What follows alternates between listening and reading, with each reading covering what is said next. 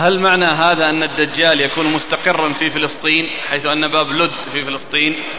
لا ما يدل على هذا ولكن تكون نهايته أو آخر أمره أنه يكون في ذلك المكان الذي يقتل فيه وإلا فإنه يطوف الدنيا ويخرج من من جهة من جهة من, من, يعني من خلة بين الشام والعراق ومعه سبعون ألفا من يهود أصبهان عليهم الطيالسة وهم أكثر أتباعه اللي هم اليهود.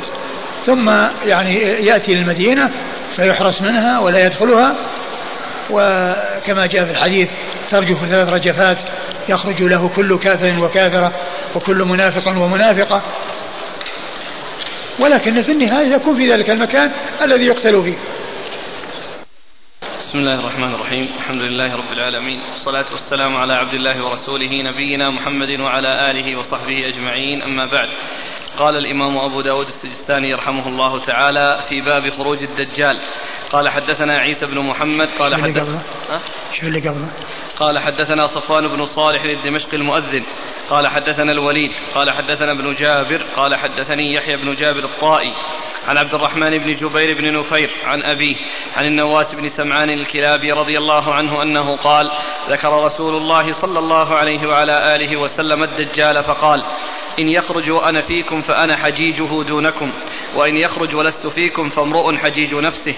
والله خليفتي على كل مسلم فمن أدركه منكم فليقرأ عليه فواتح سورة الكهف فإنها جواركم من فتنته. قلنا وما لبثه في الأرض؟ قال أربعون يوما أربعون يوما يوم كسنة ويوم كشهر ويوم كجمعة وسائر أيامه كأيامكم. فقلنا يا رسول الله هذا اليوم الذي كسنة أتكفينا فيه صلاة يوم وليلة؟ قال لا اقدروا له قدره. ثم ينزل عيسى بن مريم عند المنارة البيضاء شرقي دمشق فيدركه عند باب لد فيقتله. نعم بعده قال حدثنا عيسى بن محمد قال حدثنا ضمرة عن السيباني عن عمرو بن عبد الله عن أبي أمامة رضي الله عنه عن النبي صلى الله عليه وآله وسلم نحوه وذكر الصلوات مثل معناه. بسم الله الرحمن الرحيم. الحمد لله رب العالمين وصلى الله وسلم وبارك على عبده ورسوله نبينا محمد وعلى آله وأصحابه أجمعين. أما بعد فقد مر في الدرس الماضي ذكر جملة من الأحاديث التي أوردها الإمام أبو داود السجستاني رحمه الله تعالى في خروج الدجال وبقي منها جملة وقد مر حديث النواس بن سمعان في خروج الدجال الذي سمعناه الآن. ثم ورد بعده الإمام أبو داود حديث بالدرداء وقال إنه بمعناه. وقال إنه بمعناه أي بمعنى حديث النواس بن سمعان. قال وفي ذكر الصلوات. نعم وذكر الصلوات مثل معناه. وذكر الصلوات. يعني آه، كون الصحابة رضي الله عنهم وأرضاهم سألوا عن الصلوات في تلك الأيام التي هي يوم كسنة ويوم كشهر ويوم كجمعة وكيف يصلون. وإجابة النبي صلى الله عليه وسلم بأنهم يقدرون للصلوات بحيث يصلون يصلون الفجر ثم يمكثون مقدار المدة التي بين الفجر وبين الظهر ثم يصلون الظهر ثم يحسبون المدة التي بين الظهر والعصر فيصلون العصر ثم يحسبون المدة التي بين العصر والمغرب ثم يصلون المغرب ثم يحسبون المدة التي بين المغرب والعشاء ثم يصلون العشاء ثم يحسبون المدة التي بين العشاء إلى طلوع الفجر وهكذا. ف في ذلك اليوم الذي هو يوم كسنة يصلي الناس على على هذا التقدير. وليس خمس صلوات في ذلك اليوم الذي هو يعادل سنة ومدته تعادل سنة. وسؤال الصحابة رضي الله عنهم وأرضاهم عن آه، ماذا يفعلون في الصلوات في ذلك اليوم الذي هو كسنة واليوم الذي كشهر واليوم الذي كجمعة يدل على حرص أصحاب رسول الله عليه الصلاة والسلام على معرفة الأحكام الشرعية وسؤالهم النبي صلى الله عليه وسلم عن ما يشكل عليهم وما يحتاجون إليه ويدل أيضا على عظيم شأن الصلاة عندهم وحرصهم عليها واهتمامهم بها وهم رضي الله عنهم وأرضاهم السباقون إلى كل خير والحريصون على كل خير وهم أفضل من مشى على الأرض بعد الأنبياء والمرسلين صلوات الله وسلامه وبركاته على رسله ورضي الله عن الصحابة أجمعين. قال حدثنا عيسى بن محمد. عيسى بن محمد هو الرملي وهو ثقة. أخرج أبو داود النسائي بن ماجه. أخرج أبو داود النسائي بن ماجه.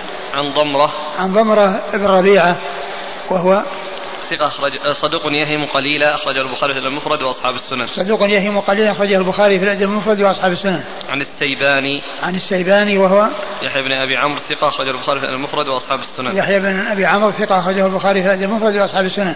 عن عمرو بن عبد الله. عن عمرو بن عبد الله وهو مقبول أخرجه أبو داود. مقبول أخرج له أبو داود. عن أبي أمامة. عن أبي أمامة صدي بن عجلان الباهلي رضي الله تعالى عنه صاحب رسول الله صلى الله عليه وسلم وحديثه أخرجه أصحاب الكتب الستة.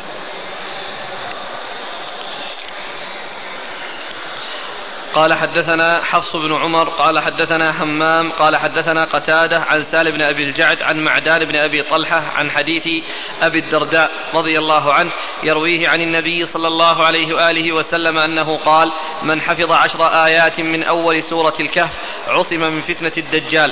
قال أبو داود وكذا قال هشام الدستوائي عن قتادة إلا أنه قال من حفظ من خواتيم سورة الكهف وقال شعبة عن قتادة من آخر الكهف ثم ورد أبو داود حديث أبي الدرداء رضي الله عنه أن النبي صلى الله عليه وسلم قال من حفظ من حفظ عشر آيات من أول سورة الكهف. من حفظ عشر آيات من سورة الكهف عصم من الدجال. من حفظ عشر آيات من سورة الكهف عصم من الدجال. الحديث المر... والحديث الذي مر أنه يقرأ عليه فواتيح سورة الكهف فواتح سورة الكهف. ومعلوم أن الإنسان الحافظ يتمكن من القراءة حيث شاء ومتى أراد. بخلاف الذي لا يحفظ فإنه لا يتيسر له ذلك إلا بالمصحف يكون أمامه يقرأه. ولكن الإنسان إذا كان حافظا فهو في أي وقت وفي أي حال أراد أن يقرأ القرآن يقرأه سواء كان نائما أو قائما أو جالسا وسواء كان في ظلام أو في نور لأنه حافظ القرآن في صدره فيتمكن من قراءته. فذكر الحفظ وذكر القراءة ومعلوم أن الحفظ به حصول التمكن من القراءة. الحفظ يكون به التمكن من حصول القراءة متى شاء الإنسان ومتى أراد الإنسان. يعني معناها أن من حفظها وقرأها وحفظها وقرأها وقد مر أنه أنه من وجده أو من أدركه فليقرأ عليه سورة فواتح سورة الكهف فإن ذلك جوار له أي أمان له يعني من فتنة الدجال كما سبق أن مر الحديث بذلك عن رسول الله صلى الله عليه وسلم. وقد جاء في بعض الروايات خواتيم سورة البقرة. ولكن الروايات التي في الفواتح أكثر وأصح ومنها حديث النواس بن سمعان الذي مر قبل حديث أبي الدرداء. نعم. طيب من حفظ عشر آيات من أول سورة كهف. نعم. والآخر من حفظ من خواتيم. نعم. في ترجيح؟ نعم هو الأول هو أرجح. ولكن الإنسان إذا كان حافظا لها لسورة الفتح كلها سورة الكهف كلها يكون متمكنا من هذا ومن هذا. لكن الروايات أكثر وأصح فيما يتعلق بالفواتح وفواتح سورة الكهف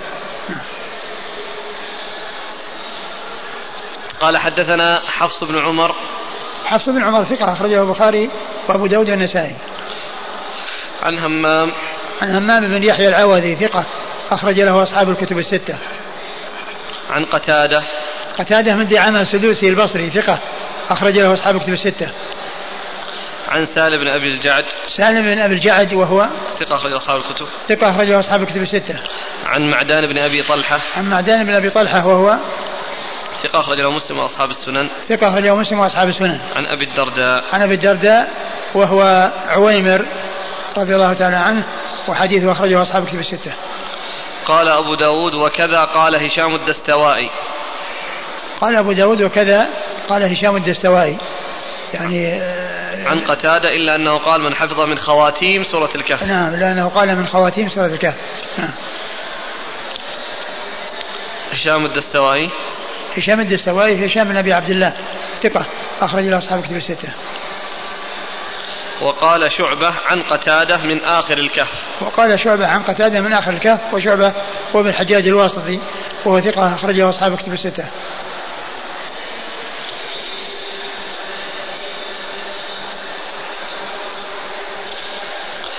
الأخ هنا يذكر أنها في صحيح مسلم من طريق معاذ بن هشام عن أبيه وهو هشام الدستوائي عن قتادة عن سالم بن أبي الجعد عن معدان بن أبي طلحة عن أبي الدرداء أن النبي صلى الله عليه وسلم قال من حفظ عشر آيات من أول سورة الكهف. نعم. عصي من الدجال. يعني معناه معناه أنه جاء عن هذا وهذا. ولكن الرواية الأولى تكون مطابقة للروايات الكثيرة التي فيها ذكر الأول. إيه لكن إشكال الأخ يقول أن الإسناد من طريق هشام. وفيه أول كهف بينما هنا عندنا عن أبي داود قال وكذا قال هشام الدستوي عن قتادة إلا أنه قال من حفظ من خواتيم سورة كهف نعم يعني هذا يعني ال يعني الذي في مسلم هو هذا. و يعني هشام روى مرتين. يعني روى مرتين لكن هل هل هل الثانية يعني أنها صحيحة أو أنها وهم؟ أظن المعبود أنها أشار إلى أن أن أنه يعني ما أن فيها نظر يعني هذا الذي عند أبي داود هل هو وهم أو كذا لأن الموجود عنه في صحيح مسلم هو الأول. في عون المعبود يعني شيء من هذا. إلا أنه أي هشام الدستوي قال من حفظ من خواتيم سورة الكهف فهشام الدستوي وهمام كلاهما اتفقا في إسناد هذا الحديث عن قتادة إلى بالدرداء لكن اختلف في متن الحديث فقال همام في روايته من حفظ عشر آيات من أول سورة الكهف وهشام من حفظ من خواتيم سورة الكهف وتابع هشاما شعبة فقال عن قتادة من آخر الكهف. هذا معنى كلام المؤلف الإمام وهو مخالف لما في صحيح مسلم فإن مسلما أخرجه في فضائل القرآن من كتاب الصلاة بقوله حدثني حدثنا محمد بن المثنى قال أخبرنا معاذ بن هشام قال حدثني أبي عن قتادة عن سالم بن أبي الجعد الغطفاني عن معدان بن أبي طلحة اليعمري عن أبي, أبي الدرداء أن نبي الله صلى الله عليه وسلم قال من حفظ عشر آيات من أول سورة الكهف عصم من فتنة الدجال. قال وحدثنا محمد بن المثنى وابن بشار قال أخبرنا محمد بن جعفر قال أخبرنا شعبة قال حاء وحدثنا زهير بن حرب قال أخبرنا عبد الرحمن بن مهدي قال أخبرنا همام جميعا عن قتادة بهذا الإسناد. قال شعبة من آخر الكهف وقال همام من أول الكهف كما قال هشام فرواية مسلم هذه تنادي أن هماما وهشاما كليهما متفقان في الإسناد والمتن وقال عشر آيات من أول الكهف وأما شعبة فقال من آخر الكهف. ما ذكر شيء؟ وأما في رواية الترمذي في فضائل القرآن فقال محمد بن جعفر قال أخبرنا شعبة عن قتادة بإسناده من قرأ ثلاث آيات من أول الكهف. وقال المزي في الأطراف وأخرج النسائي أي في السنن الكبرى في فضائل القرآن وفي عمل يوم والليلة عن عمرو بن علي عن غندر عن شعبة بإسناده وقال من قرأ عشر آيات من الكهف وقال في عمل يوم والليلة العشر الأواخر. ما يعني على كل, على كل يعني هشام يعني جاء عنه في صحيح مسلم. الذي جاء عنه في صحيح مسلم. يعني أنه عشر ك, ك... ك... كرواية الأكثرين الذي روها أنها أنها في واسع سورة سورة ال... سورة ال... آه، فهذه الرواية التي ذكرها أبو داود إما أن يكون يعني فيها وهم أو أنها تكون رواية مرجوحة.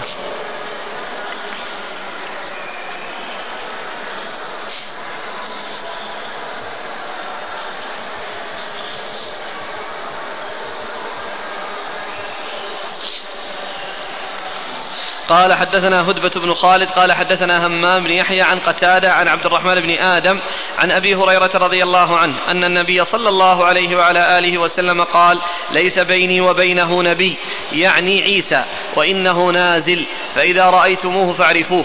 رجل مربوع إلى الحمرة والبياض بين بين ممصرتين كأن رأسه يقطر وإن لم يصبه بلل فيقاتل الناس على الإسلام.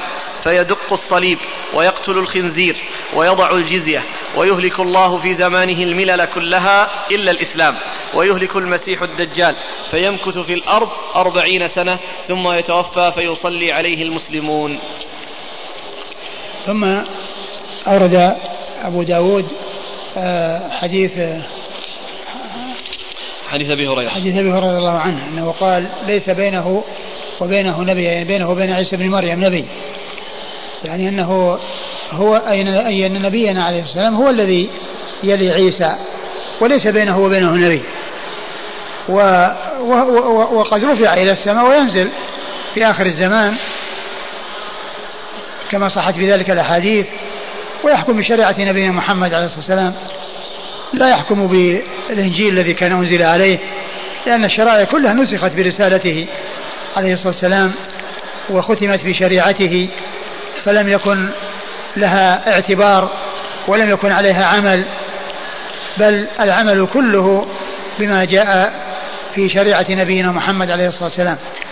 وعيسى إذا نزل في آخر الزمان ينزل متبعا لنبينا عليه الصلاة والسلام حاكما بشريعته. يعني لا ينزل يعني آه، هو نبي آه، يحكم بشرع بشرع غير شرع نبينا محمد عليه السلام فلا ينافي أن نبينا آخر الأنبياء.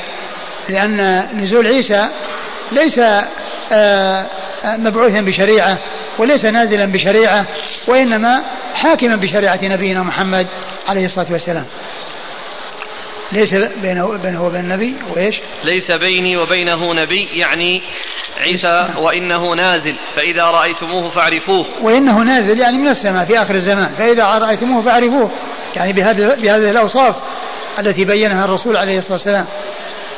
وهي رجل مربوع إلى الحمرة والبياض. رجل مربوع يعني ربعة من الرجال ليس بالطويل ولا بالقصير. كنبينا محمد عليه السلام وصفه أنه ليس بالطويل البائن ولا بالقصير وإنما هو ربعة من الرجال. فكذلك عيسى عليه الصلاة والسلام مربوع ليس بالطويل ولا بالقصير. إيش؟ إلى الحمرة والبياض. إلى الحمرة والبياض يعني أن أن هذا لونه. إلى الحمرة والبياض. يعني معناه بياض مشرب بحمرة. نعم بين ممصرتين. بين ممصرتين. يعني ثياب يعني صفر. يعني ليست يعني صفرتها شديدة. نعم كأن رأسه يقطر وإن لم يصبه بلل. كأن رأسه يقطر وإن لم يصبه بلل. يعني يقطر بدون بلل. وذلك لنظافته ووضاءته عليه الصلاة والسلام. فيقاتل الناس على الإسلام. فيقاتل الناس على الإسلام. يقاتل الناس على الإسلام أي لا يقبل منهم إلا الإسلام. لا يقبل الجزية. ولهذا يوعى الجزية كما جاء في بعض الأحاديث لا يقبلها. وإنما لا يقبل إلا الإسلام. نعم. فيدق الصليب. فيدق الصليب يعني يكسره ويقتل الخنزير. نعم. ويقتل الخنزير ويضع الجزية. ويضع الجزية يعني فلا يقبلها من أحد. يعني يبقى الإنسان على دينه ويأخذ منه الجزية لا لا يقبل منه الإسلام. ويهلك الله في زمانه الملل كلها إلا الإسلام. ويهلك الله في زمانه الملل كلها إلا الملل كلها إلا الإسلام. وهذا الإهلاك يعني ليس معنى ذلك أن أن الكفر انتهى من الأرض وأن الكفار هلكوا بل الكفار موجودون. ولهذا في يعني عند خروج الشمس مغربها يعني آه، من آمن لا ينفعه إيمانه. يعني من آمن لا ينفعه إيمانه يعني ما الكفار موجودين. ولكن معنى ذلك أن الغلبة والعزة والقوة للإسلام. وأولئك مقهورون مغلوبون. وليس معنى ذلك أن الأرض خلت من كافر وأنه لم آه، يبقى إلى الإسلام فالهلاك يعني ليس هلاك الأبدان ولكن آه، المقصود به القضاء على يعني سلطتها وعلى قدرتها وعلى ولايتها فتكون الولاية للإسلام والقدرة لأهل الإسلام والكفار يعني يكونون مغمورون آه، ولهذا جاء في الأحاديث أن أن أن, أن, أن يعني أنه إذا خرج لا ينفع نفسا إذا خرج من الشمس مغربها لا, يعني لا ينفع نفسا إيمانها إذا لم تكن أمت من قبل أو كسبت في إيمانها خيرا. وكذلك يعني كما هو معلوم يعني الساعة تقوم على شرار الناس الذين لا يعرفون معروفا ولا ينكرون منكرا. ولا يقول يقال فيهم الله. والمسلمون ينتهون قبل ذلك بخروج الروح اللينة التي تقبض روح, روح كل مسلم ومسلمة. ولا يبقى إلا شرار الخلق الذين تقوم عليهم الساعة. ويهلك الله الملك كلها إلى الإسلام. ويهلك المسيح الدجال. ويهلك المسيح أن يقتله ويقضي عليه. فيكون مسيح الهداية. عيسى بن مريم عليه الصلاة والسلام يتولى بنفسه قتل مسيح الضلالة الدجال. فيمكث في الأرض أربعين سنة ثم يتوفى فيصلي عليه المسلمون. فيمكث في الأرض أربعين سنة ثم يتوفى ويصلي عليه المسلمون ويموت. يعني معناها أنه في السماء يعني رفعه حي وقد بقي في السماء ثم ينزل ويبقى تلك المدة ويموت ويصلي عليه المسلمون صلوات الله وسلامه وبركاته عليه.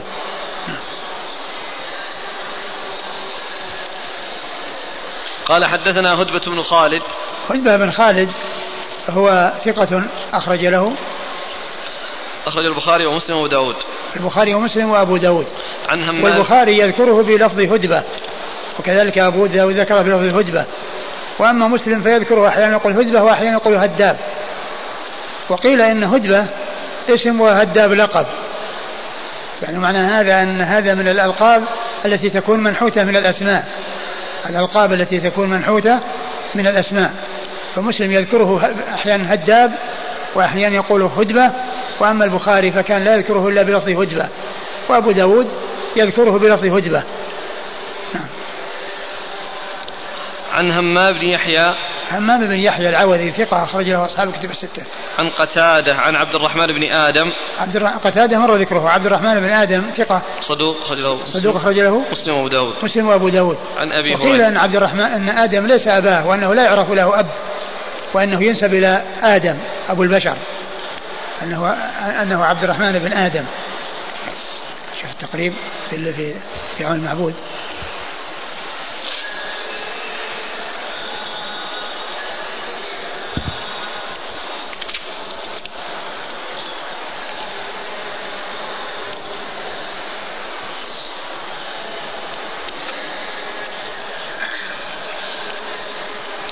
المعبود يا شيخ؟ عون المعبود ولا التقريب؟ لا عون المعبود.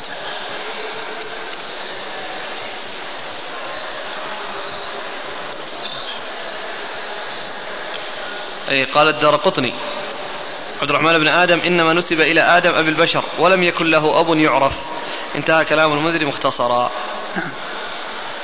وقال الحافظ التقريب عبد الرحمن بن آدم البصري صاحب السقاية صدوق. وقال في فتح الباري إسناده صاحب هذا الموضع؟ نعم. هذا الذي تريده ولا في شيء إيه هذا هو اللي يقول قول الدار قطني أنه يعني ينسب إلى آدم والبشر ولا يعرف له أب.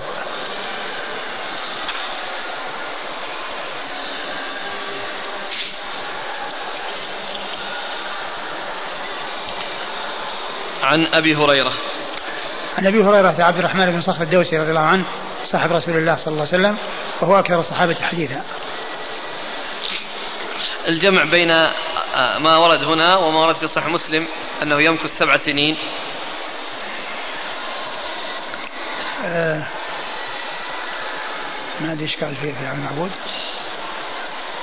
قال الحافظ عماد الدين بن كثير ويشكل بما في رواية مسلم من حديث عبد الله بن عمرو أنه يمكث في الأرض سبع سنين.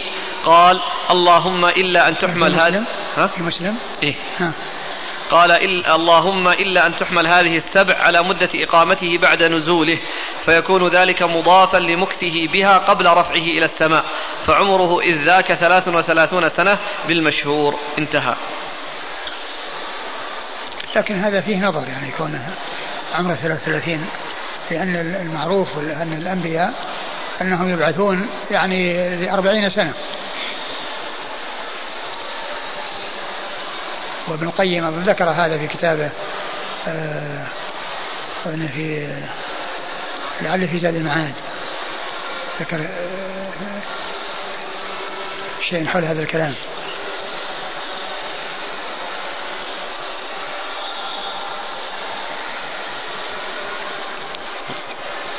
في جمع آخر ولا شيء؟ لا. نعم. لا هنا مسألة يعني يقول السائل لعلكم تعرضتم لها في الشرح يقول كيف الجمع بين قوله يضع الجزية مع أنه يهلك الله في زمانه الملل كلها؟ أنا كما أجبت على الإهلاك لا يعني ذلك أن أنه آه، يقضي على الناس وأنه لا يبقى مسلم إلا مسلمون لأن الكفار موجودون يعني بعد ذلك. ولكن آه، كما جاء أنه لا يقبل الإسلام لا يقبل الإسلام إما يعني إسلام وإما قتل. ومعلوم من هذا في من كان من لقيه وأدركه.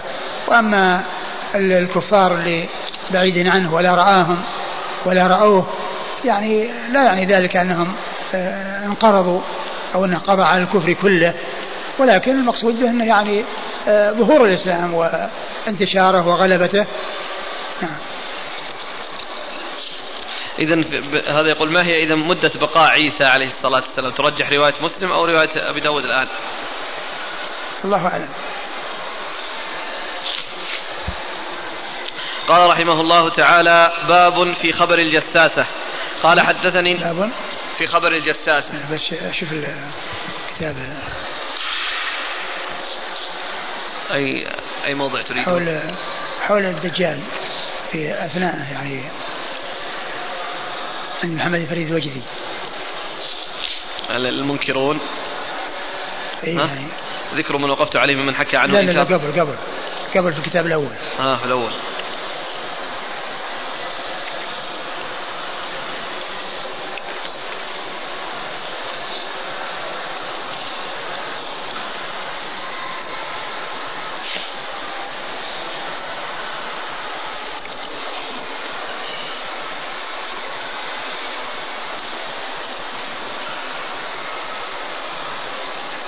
اقرأ الفهرس. اقرأ الفهرس من أوله حتى تصل إلى إلى هذا.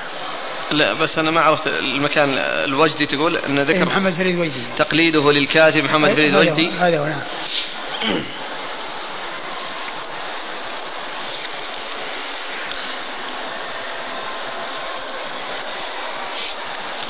قال شيخنا حفظه الله تعالى تقليده يعني للكاتب. هذا يعني هذه ال يعني ال هذا الذي نقرأه الآن ونسمعه الآن آه، الشيخ محمود رحمه الله كان كتب رسالة سماها لا مهدي ينتظر بعد رسوله خير البشر وكان يعني ألفها في أوائل عام 1400 عندما حصلت فتنة الحرم. وألف هذه الرسالة منكرا أنه لا مهدي وأنه آه، الأحاديث غير صحيحة. و رددت عليه في هذا الكتاب الذي الرد على من كذب بالأحاديث الصحيحة الواردة في المهدي. وكان من جملة الذين ذكرهم منكرين لأحاديث المهدي آه، محمد هيري دويدي وأنا بالمناسبة قلت إن هذا الذي قلده قد أنكر ما هو أعظم من أحاديث الدجال وهو حديث من أحاديث المهدي وهي حديث الدجال حيث وصف حديث الدجال كلها بأنها موضوعة مختلقة. ومع أن الصحيحين فيهما أشياء الكثير من أحاديث الدجال.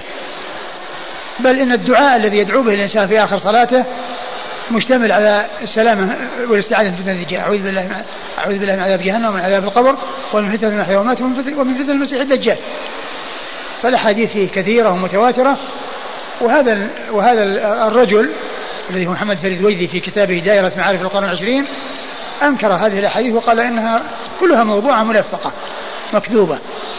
وهي في الصحيحين ورجالها ثقات. ليس فيهم ليس فيهم ضعيف فضلا أن يكون كذابا أو وضاعا. والآن نقرأ يعني ما كتبته ردا عليه لأنه ذكر أربع شبه لرد أحاديث الدجال وأنها موضوع مختلقة وكلها عقلية. وقد رددت عليه فيها استطرادا في الكلام على المهدي. نعم. تقليده للكاتب محمد فريد وجدي في إنكار خروج المهدي ومناقشة مقل مقلد مقلده. مقلده. مقلده فيما فيما هو أخطر من ذلك وهو زعمه أن كل ما ورد في المسيح الدجال موضوع ملفق. ذكر في صفحة عشرين أن محمد فريد وجدي صاحب دائرة معارف القرن العشرين ممن ضعف أحاديث المهدي ونقل كلامه في ذلك. وأحب أن يضيف الشيخ ابن محمود إلى معلوماته أن محمد فريد وجدي في كتابه المذكور في الجزء الثامن صفحة 788 اعتبر جميع الأحاديث الواردة في الدجال موضوعة بناء على شبه عقلية وأكثر أحاديث الدجال في الصحيحين للبخاري ومسلم كما هو معلوم. وما دام أن أحاديث الدجال على, الدجال على كثرتها في الصحيحين وفي غيرهما حظها من محمد فريد وجدي أن يبطلها بجرة قلم ويحكم عليها جميعها بأنها موضوعة ملفقة فمن باب أولى إبطال أحاديث المهدي لأنها دونها في الكثرة والصحة. وقد يكون من المناسب هنا أن أناقش بإيجاز محمد فريد وجدي في شبهه العقلية الأربع التي اعتمد عليها في توهين أحاديث الدجال وقال عنها إنها لا تقبل المناقشة. يعني هذه الشبه هذه الأدلة يعني معناها أنها ما تقبل المناقشة. هذه مسلمة ما فيها كلام. لا تقبل المناقشة. وهذه مناقشته فيها. مناقشته في هذا الذي لا يقبل المناقشة. الشبهة الأولى أن ما ورد بشأن الدجال أشبه بالأساطير الباطلة. فإن رجلا يمشي على رجلين يطوف البلاد يدعو الناس لعبادته ويكون معه جنة ونار يلقي فيهما من يشاء كل هذا من الأمور التي لا يستسيغها العقل. والنبي أجل من أن يأتي بشيء تنقضه بداهة النظر وإلا فما هي جنته وما هي ناره التي تتبعانه؟ حيث سار تتبعانه حيث سار. هل هما مرئيان أو خياليان؟ إلى آخره. ويجاب عن هذه الشبهة بأن ما صح عن رسول الله صلى الله عليه وعلى آله وسلم من أخبار الدجال يقبله العقل السليم ولا يرده والعقل لا يتعارض مع النقل الصحيح وإذا لم يحصل الاتفاق والتطابق بين العقل والنقل على أمر ما تعين اتهام العقل كما ثبت في الصحيحين عن سهل بن حنيف حنيف رضي الله عنه أنه قال يا أيها الناس اتهموا رأيكم على دينكم وكما جاء عن علي رضي الله عنه في سنن أبي داود قال الحافظ في الفتح بسند حسن أنه قال لو كان الدين بالرأي لكان مسح أسفل الخف أولى من أعلاه. هذا من جهة ومن جهة أخرى العقول تتفاوت فقد يقبل هذا ما لا يقبله هذا.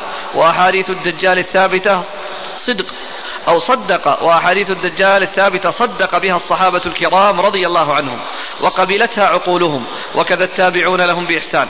فالعقول التي لم تقبل ما قبلوه قد أصيبت بمرض لا شفاء لها منه إلا بالاعتصام بما جاء في الكتاب والسنة والسير على ما درج عليه سلف الأمة.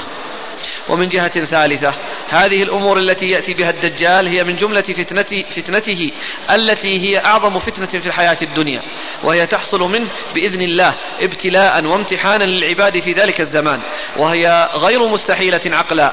أما كونها على خلاف ما هو معتاد ومألوف فنعم ومن أجل هذا صارت فتنة.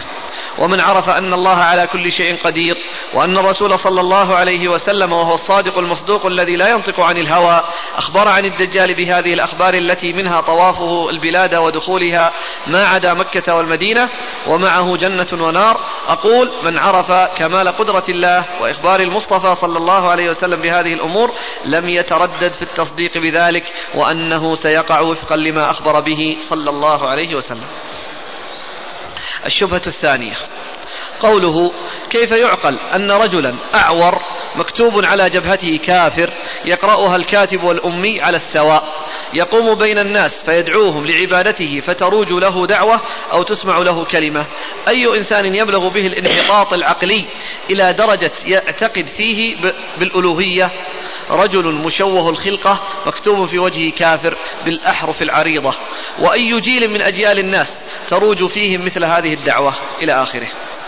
أقول هذه إحدى شبهه التي اعتمد عليها في رد النصوص الصحيحة. ولا أدري كيف فات على هذا المسكين أن الأبصار لا تغني شيئا إذا عميت البصائر فإنها لا تعمى الأبصار ولكن تعمى القلوب التي في الصدور. وكيف ينكر النصوص المتواترة؟ لأن عقله استبعد أن تروج دعوة الدجال ويق... أن تروج دعوة الدجال ويق... ويقبل قوله. وقد ك... وقد كتب على وجهه كافر يقرأها الكاتب والأمي. مع وجود المثال المحسوس فيما نشاهد ونعاين في هذا العصر الذي نعيش فيه بأكثر البلاد التي تنتمي إلى الإسلام لا تحكم بشريعة الإسلام مع أن آيات القرآن ينادى بها بأعلى الأصوات ومنها قول الله تعالى ومن لم يحكم بما أنزل الله فأولئك هم الكافرون وقوله ومن لم يحكم بما أنزل الله فأولئك هم الظالمون وقوله ومن لم يحكم بما أنزل الله فأولئك هم الفاسقون وقوله فلا وربك لا يؤمنون حتى يحكموك فيما شجر بينهم ثم لا يجدوا في أنفسهم حرجا مما قضيت ويسلموا تسليما وقوله تعالى أفحكم الجاهلية يبغون ومن أحسن من الله حكما لقوم يوقنون. إلى غير ذلك من الآيات. فإن الذين تروج عليهم دعوة الدجال في آخر الزمان فيتبعونه لعمى لعمي أبصارهم لعمى لعمى بصائرهم. مع أنه مكتوب على وجه كافر يقرأها الكاتب والأمي هم من جنس الذين عميت بصائرهم في عصرنا فلم يحكموا شريعة الإسلام مع قراءتهم القرآن وفيه مثل هذه الآيات وسماعهم لها في الإذاعات ما أشبه الليلة بالبارحة والله المستعان. الشبهة الثالثة. قوله لماذا لم يذكر القرآن عن هذا المسيح الدجال شيئا مع خطورة أمره وعظم فتنته كما تدل عليه الأحاديث الموضوعة؟ فهل يعقل أن القرآن يذكر ظهور دابة الأرض ولا يذكر ظهور ذلك الدجال الذي معه جنة ونار يفتتن, بها يفتتن به الناس؟ والجواب عن هذه الشبهة أن الله تعالى قال في كتاب العزيز وما آتاكم الرسول فخذوه وما نهاكم عنه فانتهوا. وقال صلى الله عليه وسلم ألا إني أوتيت القرآن ومثله معه؟ يعني السنة. والسنة والقرآن متلازمان لا يفترقان. ومن لم يؤمن بالسنة لم يؤمن بالقرآن. ومن زعم فصل السنة عن القرآن يقال له كما جاء عن بعض السلف أين وجدت في القرآن أعداد الصلوات وأعداد ركعاتها وكيفيتها وغير ذلك مما لا يعرف توضيحه وبيانه إلا في السنة التي هي شقيقة القرآن والموضحة والمبينة له. ولم تعد بالسنة منذ أزمان أعداء لها هم في الحقيقة أعداء للقرآن يشككون فيها ويحاولون فصلها عن القرآن. وقد هيأ الله من العلماء من يذب عنها ويدحض شبه أعدائها ومنهم الحافظ السيوطي رحمه الله فقد ألف رسالة لطيفة سماها مفتاح الجنة في الاحتجاج بالسنة افتتحها بعد حمد الله بقوله اعلموا يرحمكم الله أن من العلم كهيئة الدواء ومن الآراء كهيئة الخلاء. لا تذكر إلا عند داعية الضرورة وإن مما فاح ريحه في هذا الزمان وكان دارسا بحمد الله منذ أزمان وهو أن قائلا رافضيا زنديقا. أكثر في كلامه أن السنة النبوية والأحاديث المروية زاده الله علوا وشرفا لا يحتج بها وأن الحجة في القرآن خاصة. إلى أن قال فاعلموا رحمكم الله أن من أنكر كون حديث النبي صلى الله عليه وآله وسلم قولا كان أو فعلا بشرطه المعروف في الأصول حجة كفر وخرج عن دائرة الإسلام وحشر مع اليهود والنصارى أو مع من شاء الله من فرق الكفرة. روى الإمام الشافعي رضي الله عنه يوما حديثا وقال إنه صحيح. فقال له قائل أتقول به يا أبا عبد الله؟ فاضطرب وقال يا هذا أرأيتني نصرانيا؟ أرأيتني خارجيا من أرأيتني خارجا من كنيسة؟ أرأيت في وسطي زنارا أروي حديثا عن رسول الله صلى الله عليه وسلم ولا أقول به؟ ورسالة السيوطي هذه رسالة عظيمة مفيدة. الشبهة الرابعة قوله إن كون هذه الأحاديث موضوعة يعرف بالحس من الحديث الطويل الذي نسب إلى النواس بن سمعان ورفعه إلى النبي صلى الله عليه وسلم وهو الحديث الذي ينبئ أن الدجال يخرج من خلة بين الشام والعراق ويعمل الأعاجيب ثم يدركه عيسى فيقتله ثم يؤمر عيسى بأن يعتصم بالطور هربا من قوم لا قدرة عليهم وهم يأجوج ومأجوج إلى أن قال فيقولون لقد قتلنا من في الأرض فلنقتل من في السماء فيرمون نشابهم إلى السماء فيرد الله عليهم نشابهم مخضوبة دما. إلى أن قال إن تنظر إلى تركيب هذه القصة نظر منتقد لا يخطر ببالك شك في أنها موضوعة وقد وضعها واضع لا, يف لا يفرق بين الممكن والمستحيل وبين سنن الله وبين سنن الله وما تولده الخيالات من الأباطيل. ولكن الدليل الحسي على بطلان هذا الحديث أن واضعه لقصر نظره خيل له أن أسلحة الناس لن تزال لن تزال القسي القسي والسهام والنشاب والجعاب حتى تقوم الساعة. ولم يدرك أنه لن يمر على وضع هذا الحديث نحو سبعة قرون حتى يوجد البارود والبندق. ولم تمر ستة قرون أخرى حتى لم يكن للقوس والنشاب ذكر. وقام مقامه مدافع الماكسيم وقنابل اليد والشربنيل والأدخنة السامة والغازات الملتهبة والديناميت الذي يتساقط من الطائرات إلى آخره. وحديث النواس بن سمعان الذي زعم أنه موضوع أخرجه الإمام مسلم في صحيحه وهو واحد من أحاديث الدجال المتواترة التي اعتبرها محمد فريد وجدي موضوعة وشبهته التي اعتبرها دليلا حسيا على وضع هذا الحديث كون يأجوج ومأجوج يستعملون النشاب وهو سلاح قديم جاءت بعده الأسلحة الفتاكة التي عدد بعض أنواعها ويجاب عن شبهته هذه أن هذا السلاح الذي ورد ذكره في الحديث هو الذي سوف يستعمل حتما من قبل من قبل يأجوج ومأجوج إذا خرجوا في آخر الزمان. أما الحضارة المادية والأسلحة الفتاكة التي وجدت في هذا العصر فليس بقاء نوعها حتى نهاية الزمان محققا فقد يبقى نوعها حتى ذلك الزمان وقد تنتهي قبل ذلك. والله تعالى أعلم بالذي سيكون من بقائها أو انتهائها. واحتمال انتهائها أقرب لأن الأحاديث الصحيحة وردت باستعمال الخيل والرماح والسيوف والحراب في آخر الزمان. مع أن النفوس البشرية جبلت على تفضيل المركوبات المريحة واستعمال السلاح الأنكى في الحرب.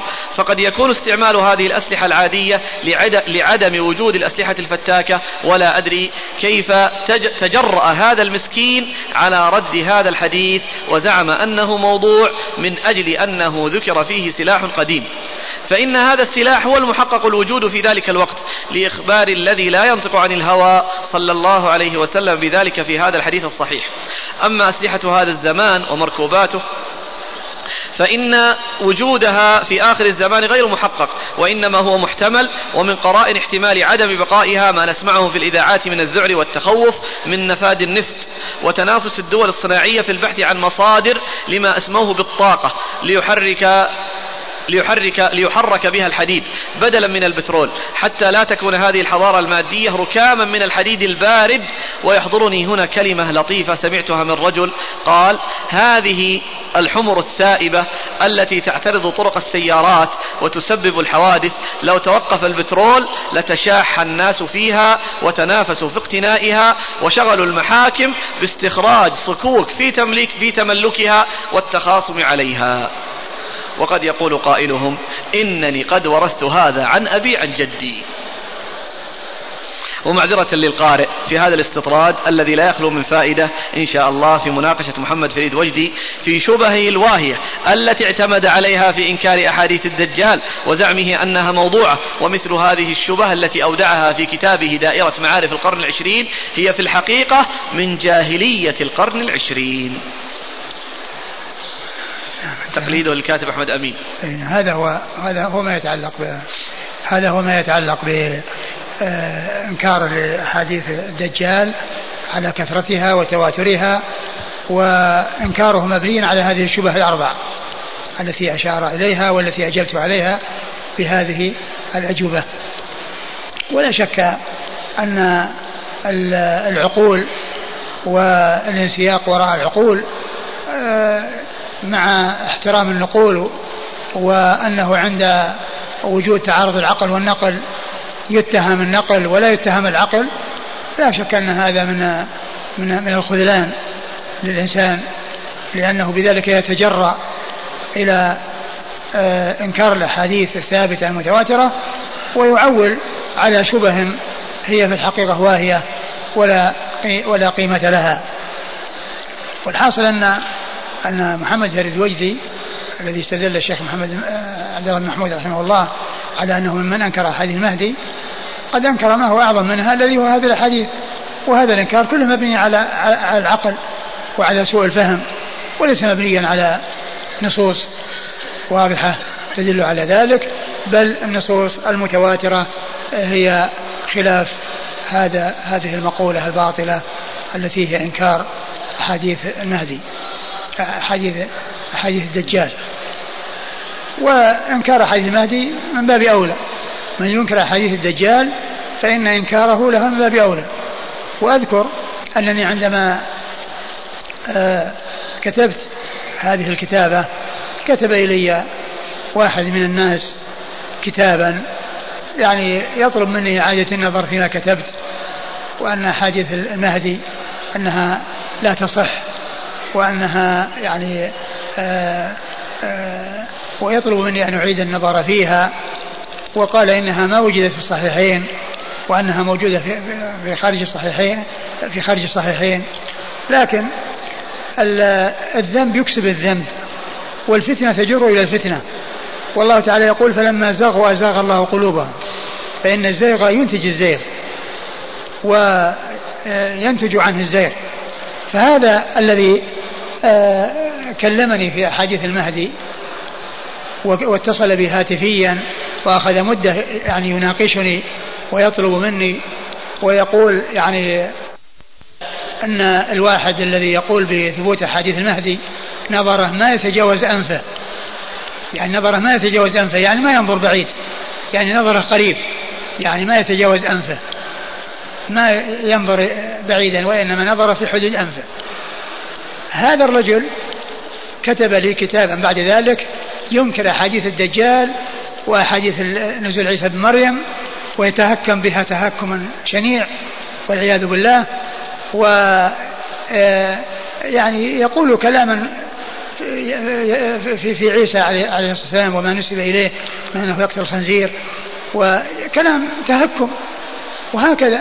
الإنسان إذا أرخى لنفسه العنان واقدم على آه، آه، يعني تقديم العقول وتحكيمها واتهام النقول وعدم اعتبارها أمام العقول فإن كون الشيء الحديث في غير الصحيحين ما دام إنه مبني الأمر مبني على العقل لا فرق بين الصحيحين وغير الصحيحين ولهذا هذا الذي آه يعني كان كلامه في أحاديث المهدي بأنها ليست في الصحيحين آل أمره إلى أن ينكر ما في الصحيحين. وأن يتهكم بما في الصحيحين. كلاما في غاية القبح وفي غاية السوء.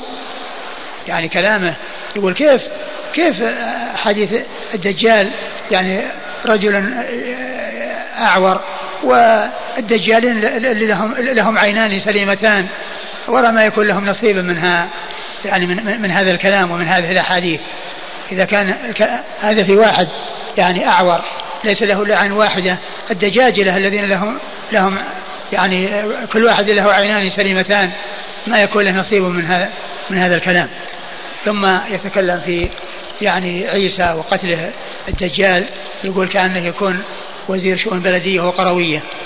وزير شؤون بلدية وقروية يعني يقتل الخنازير ويفعل كذا وكذا. كلام والعياذ بالله يعني الذنب يجر إلى الذنب. والزيغ ينتج الزيغ. وهكذا. الإنسان إذا ما آه، آه، التزم بنصوص الوحي آه، من الكتاب والسنة التي فيها العصمة لا شك أنه سيحيد ولا شك أنه يقع سيقع في متاهات ويضيع نسأل الله السلامة والعافية. آمين. هذا والله تعالى أعلم وصلى الله وسلم وبارك على عبده ورسوله نبينا محمد وعلى آله وأصحابه أجمعين. جزاكم الله خيرا وبارك الله فيكم ونفعنا الله بما قلتم. آه، الإخوة لما سمعوا هذه الأسماء يحبون أن يعرفوا من هذا آه، محمد فريد وجدي وفي في أي قرن كان يعيش. موجود في موجود في في هذا القرن هذا في القرن الذي القرن الذي خرج هذا الذي خرج قبل يعني يعني اسمه دائرة المعارف القرن العشرين. والقرن العشرين هو القرن الذي مضى القرن الفرنجي. لا زال على قيد الحياة؟ لا لا توفي. لا متوفى. طيب مثل هذا الكلام انكاره كتابه موجود. كتاب موجود في دائرة معارف القرن كتاب مشهور. دائرة معارف القرن العشرين. أقول كتاب مشهور. آه هذا سؤال عن نفس الكتاب. هل يمكن أن يستفاد من هذا الكتاب؟ والله الكتاب لا شك فيه فيه فوائد فيما يتعلق بمعلومات أخرى. لكنه يعني فيه بلاء وهذا من جملة بلاء. هذا الإنكار منه آه، يخرجه عن دائرة الإسلام. والله يعني على على خطر أقول ليس ببعيد خروجه. كذلك ذكرت ابن محمود يسألون من هو هذا ابن محمود؟ ابن محمود رئيس محاكم قطر توفي قبل عدة سنوات. و وله كتابات كثيرة. ولكنه يعني عنده شيء من الجموح والجنوح إلى يعني كلام هؤلاء المتأخرين الذين يحكمون العقول ويتهمون النقول بسبب العقول. يعني عنده شيء من هذا لأن كلامه في إنكار المهدي كله مبني على آه، مثل محمد فريد وجدي ومثل أحمد أمين وغيرهم من الكتاب الذين يتكلمون عليها بعقولهم. وليس بمقتضى النصوص يتهمون النقول ولا يتهمون العقول. وهو رئيس محاكم قطر رحمه الله وقد توفي قبل سنوات. وهو الذي كان آه، في زمن الشيخ محمد إبراهيم يعني كتب كتاب رسالة وذكر فيها أن الرمي قبل الزوال يعني أنه جائز وحصل بينه وبين الشيخ محمد إبراهيم مكاتبات. وأخيرا ألف الشيخ إبراهيم كتاب سماه تحذير الناسك مما أحدثه ابن محمود في المناسك.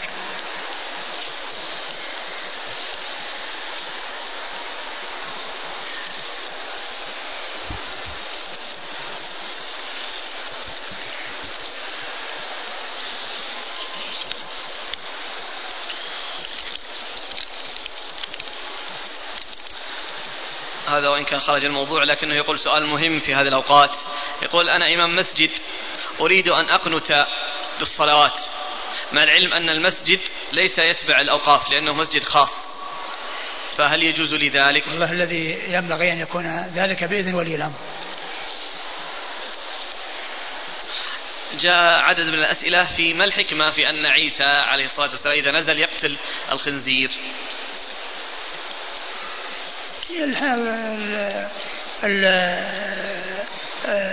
كما هو معلوم يعني آه، آه، النصارى والكفار هم الذين يأكلون الخنزير ويعبدون الصليب فهو يعني يكسر الصليب الذي يزعمون أنه رمز عنه وأنه صلب وكذلك يقتل الخنزير الذي هو يعني محرم في هذه الشريعة وهو نجس. وكذلك يقول إذا كان عيسى يحكم بشريعة النبي صلى الله عليه وسلم فإن الشريعة الإسلامية تأخذ الجزية من غير المسلمين. فلماذا يضع الجزية؟ بس إن في آخر الزمان يعني في آخر الزمان يعني آه، لا يقبل الإسلام. والنبي صلى الله عليه وسلم هو الذي أخبر بهذا. لأن في نهاية الدنيا يعني آه، أنه ما فيه آه، إلا الإسلام فقط.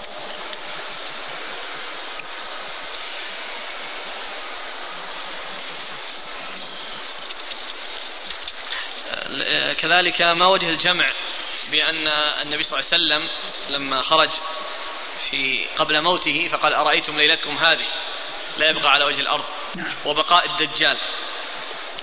يكون هذا مستثنى. أقول هذا مستثنى. يعني فيكون مسيح الهداية موجود في السماء ومسيح الضلالة موجود في الأرض ويكون ذلك من جملة أو مستثنى من هذا من هذا الحديث. فتنة الدجال تعم الأحياء والأموات والجن والإنس. الأموات الأموات يعني كما هو معلوم ما لهم علاقة في الفتنة التي تكون في الدنيا لأنهم في قبورهم ومرسلهم في قبورهم وهم إما في نعيم وإما في جحيم. يعني لأن هذه فتنة الدنيا وأما الأموات عندهم فتنة القبر وفتنة الممات وأما هذه فتنة المحيا. ففي فتنة المحيا فتنة المحيا عديدة ومنها فتنة الدجال. وفتنة الممات منها فتنة عذاب القبر وفتنة القبر. فالأموات يعني ما لهم علاقة في الدجال وفتنة الدجال وإنما اللي لهم علاقة الذين كانوا موجودين في زمن الدجال. الذين كانوا موجودين في زمن الدجال هم الذين آه، منهم من تصيبهم فتنته ومنهم من يسلم. الذين يبتعدون عنه ولا يلحقون به. كما جاء في الحديث من حضر الدجال أو ما أدركه الدجال فلينهى عنه فليبتعد عنه فإن الإنسان يعني يكون يحسب أنه مؤمن ثم إذا رآه ورأى ما معه تغير وضعه وتغير حاله كما جاء في الحديث الذي مر بنا في درس الأمس.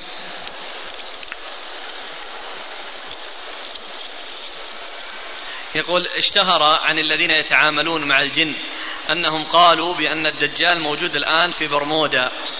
هل يصح هذا ونصدق هذا الكلام؟ لا يصدق لا يصدق بكلام بكلام الدجالين لا من الإنس ولا من الجن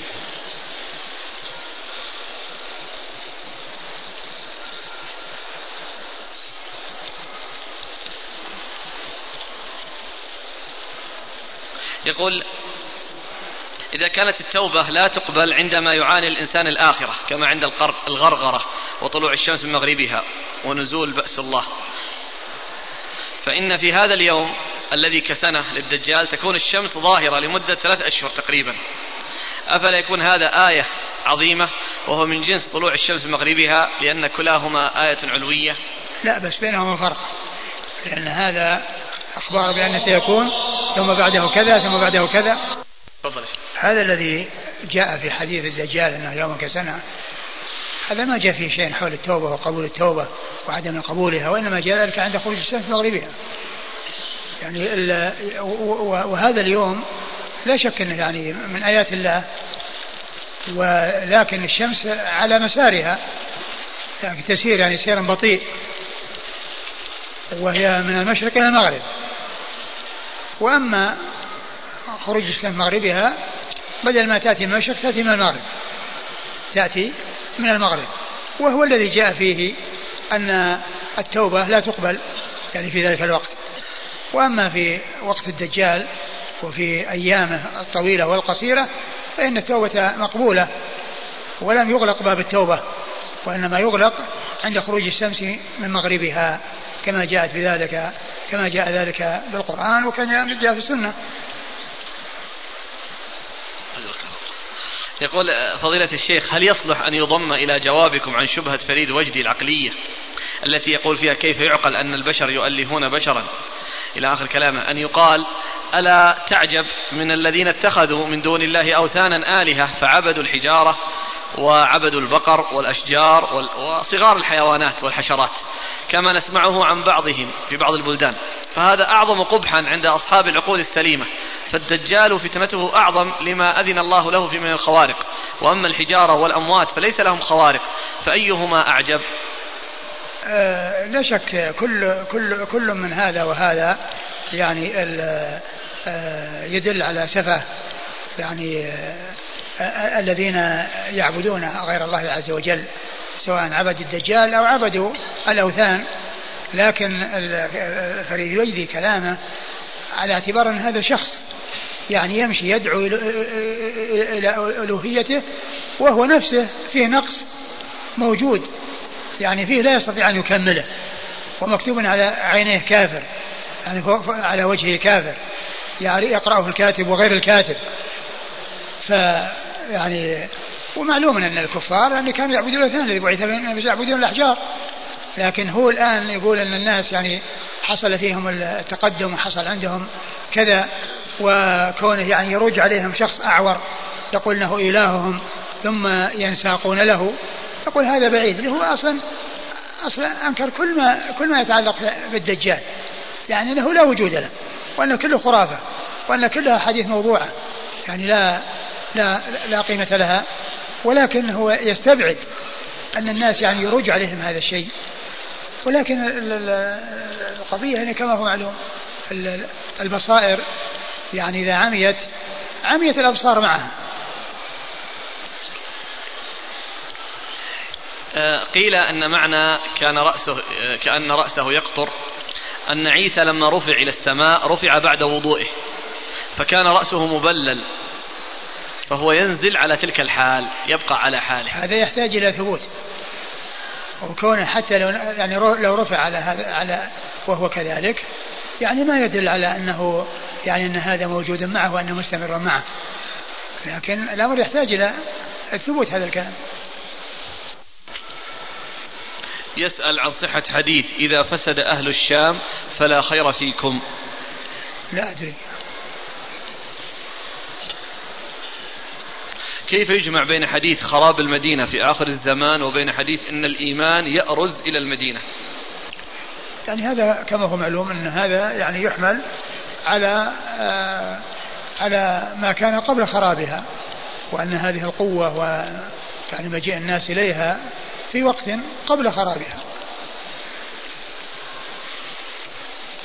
يقول حفظك الله استعملت لفظة الجاهلية للتعبير عما نعايشه من جهل. فهل هذا يعني مستقيم؟ لا بس هو الآن قال المعارف. أنا أتيت بها من أجل مقابلة المعارف. يعني هذا الكلام الذي ذكره من في دائرة معارف القرن العشرين. فأنا بدل معارف أتيت بجاهلية. وهذا من الجهل من الجهل هذا الذي الذي قاله. يعني آآ آه، آآ آه، فريد ويدي حول حول الدجال. وأن هذا من جملة المعارف هو في الحقيقة من الجهل. آه، في شبهة الثانية قضية كيف يكون مكتوب عند على وجه كافر ولا, ولا يقرأوها أو لا يعرف هذا. لكن الحديث ألا فيه دلالة أن هذا الأمر لا يقرأه إلا المسلم. فلا يكون يعني ممكن أن يضاف في الرد عليه. أنه عمم. بينما الحديث جاء في تخصيص المسلمين هم نعم الذين يقرؤون ذلك. هو المسلمين هم ال هم ال أقول هم هم الذين يثبتون حديث الدجال. أقول هم اللي يثبتون حديث الدجال. ولهذا يعني أراد أن يبين أن أن أن, أن, أن هذا يعني كيف يحصل منهم و أو يحصل من أحد أنه يغتر به وهو على هذا الوصف وعلى هذه الهيئة. الأخوات في القسم النساء هنا في المسجد النبوي أشكل عليهن موضوع وهو أنهن يصلين بخمار يغطين الوجوه. والسبب أنه وجود كاميرات داخل المصلى القسم خاص بالنساء. فهل تصح صلاتهن بالخمار؟ نعم تصح. إذا كان يعني سيحصل آه، تصويرهن وخروج صورهن فلهن أن يغطين وجوههن مثل ما مثل ما يغطين وجوههم عند الرجال إذا إذا رأهن الرجال. فإذا كان صورهن تظهر وهن يعني كاشفات فعليهن يتسترن. ما صحة حديث طوبى لعيش بعد المسيح؟ لا أعرف عنه شيئا. توفي جدي من بلد عربي وهو يقول لا إله إلا الله ويصلي ويصوم ولكن كان يذهب إلى قبور الأولياء ويدعوها ويذبح لها ومات على ذلك. فهل أرثه؟ وهل أدعو له بالمغفرة والرحمة؟ علما بأنه جاهل.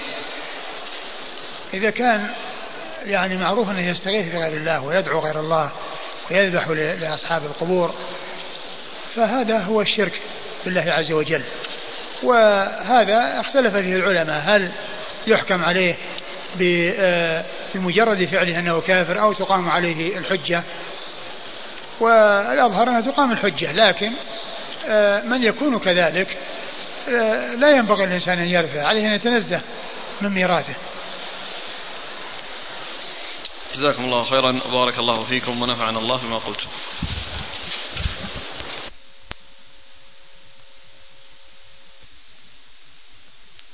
بسم الله الرحمن الرحيم. الحمد لله رب العالمين. والصلاة والسلام على عبد الله ورسوله نبينا محمد وعلى آله وصحبه أجمعين. أما بعد. قال الإمام أبو داود السجستاني يرحمه الله تعالى باب في خبر الجساسة. قال حدثنا النفيلي قال حدثنا عثمان بن عبد الرحمن قال حدثنا ابن أبي ذئب عن الزهري عن أبي سلمة عن فاطمة بنت قيس رضي الله عنها أن رسول الله صلى الله عليه وعلى آله وسلم أخر العشاء الآخرة ذات ليلة ثم خرج فقال إنه حبسني حديث كان يحدث يحدثنيه تميم الداري رضي الله عنه عن رجل كان في جزيرة من جزائر البحر فإذا أنا بامرأة تجر شعرها قال ما أنت؟ قالت أنا الجساسة اذهب إلى ذلك القصر. فأتيته فإذا رجل يجر شعره مسلسل في الأغلال ينزو فيما بين السماء والأرض. فقلت من أنت؟ قال أنا الدجال. خرج نبي الأميين بعد؟ قلت نعم. قال أطاعوه أم عصوه؟ قلت بل أطاعوه. قال ذاك خير لهم. بسم الله الرحمن الرحيم. الحمد لله رب العالمين وصلى الله وسلم وبارك على عبده ورسوله نبينا محمد وعلى آله وأصحابه أجمعين. أما بعد يقول الإمام أبو داود السجستاني رحمه الله تعالى باب في خبر الجساسة.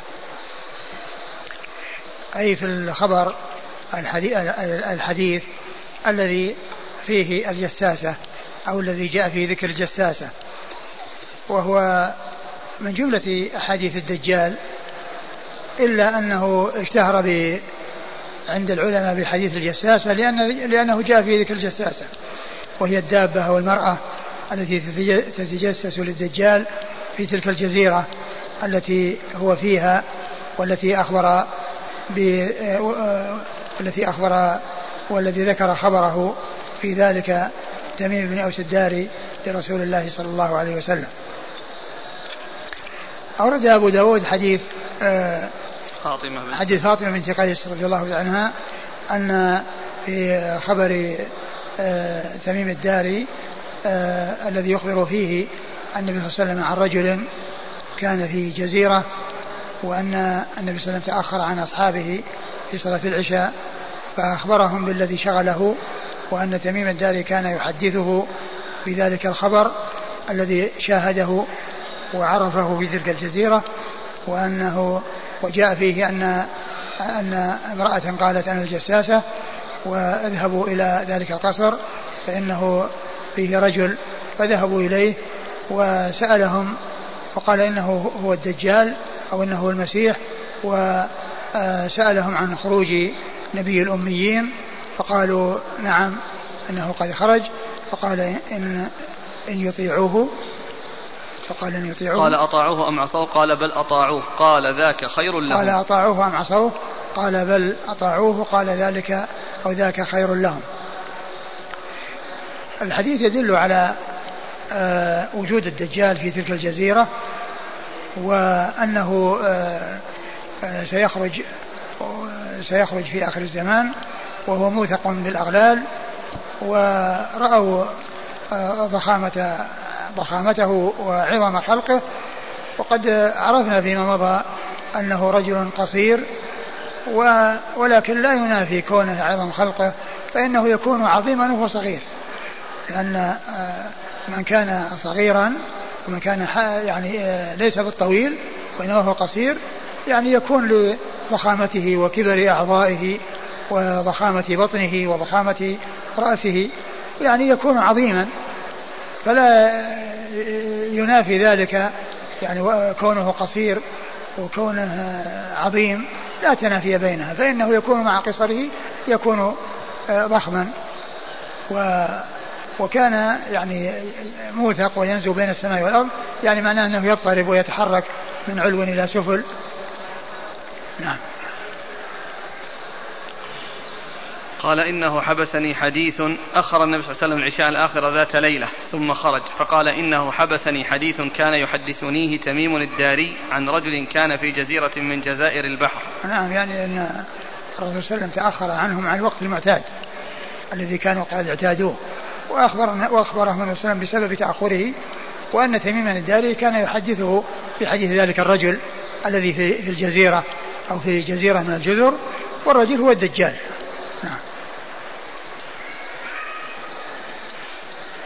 هل معلومة يقول هذا أين تقع هذه الجزيرة؟ الله أعلم. لكن الحديث الذي قال يعني في أنه قال أنه في جهة المشرق آه، وأشار إلى جهة المشرق سيأتي في الحديث. لكن تحديده بالضبط ومكانه الله تعالى أعلم. آه، فيه رواية النبي صلى الله عليه وسلم عن تميم. نعم. وفيه وفيه رواية النبي, النبي عن تميم وأخباره. بالذي حدثه به تميم وجاء في بعض الأحاديث أنه وافق يعني ما أقوله لكم أو ما قلته لكم من قبل. نعم. فإذا أنا بامرأة تجر شعرها. هذه الجساسة امرأة تجر شعرها وفي بعض الأحاديث في صحيح مسلم دابة تجر شعرها يعني لكثافته ولطوله. نعم. ما في تعارض بين تكون دابة كما جاء لا يعلم قبلها من دبرها وبين هنا أنها امرأة فعرفوا أنها من جنس الإنسان. أجاب أجاب بعض العلماء قيل أن الدابة أن المرأة يعني هي من جملة الدواب وما من دابة في الأرض إلا على الله رزقها ويعلم مستقرها ومستودعها. وذكر في عون المعبود ثلاثة أوجه من وجوه الجمع. إيش قال فيها؟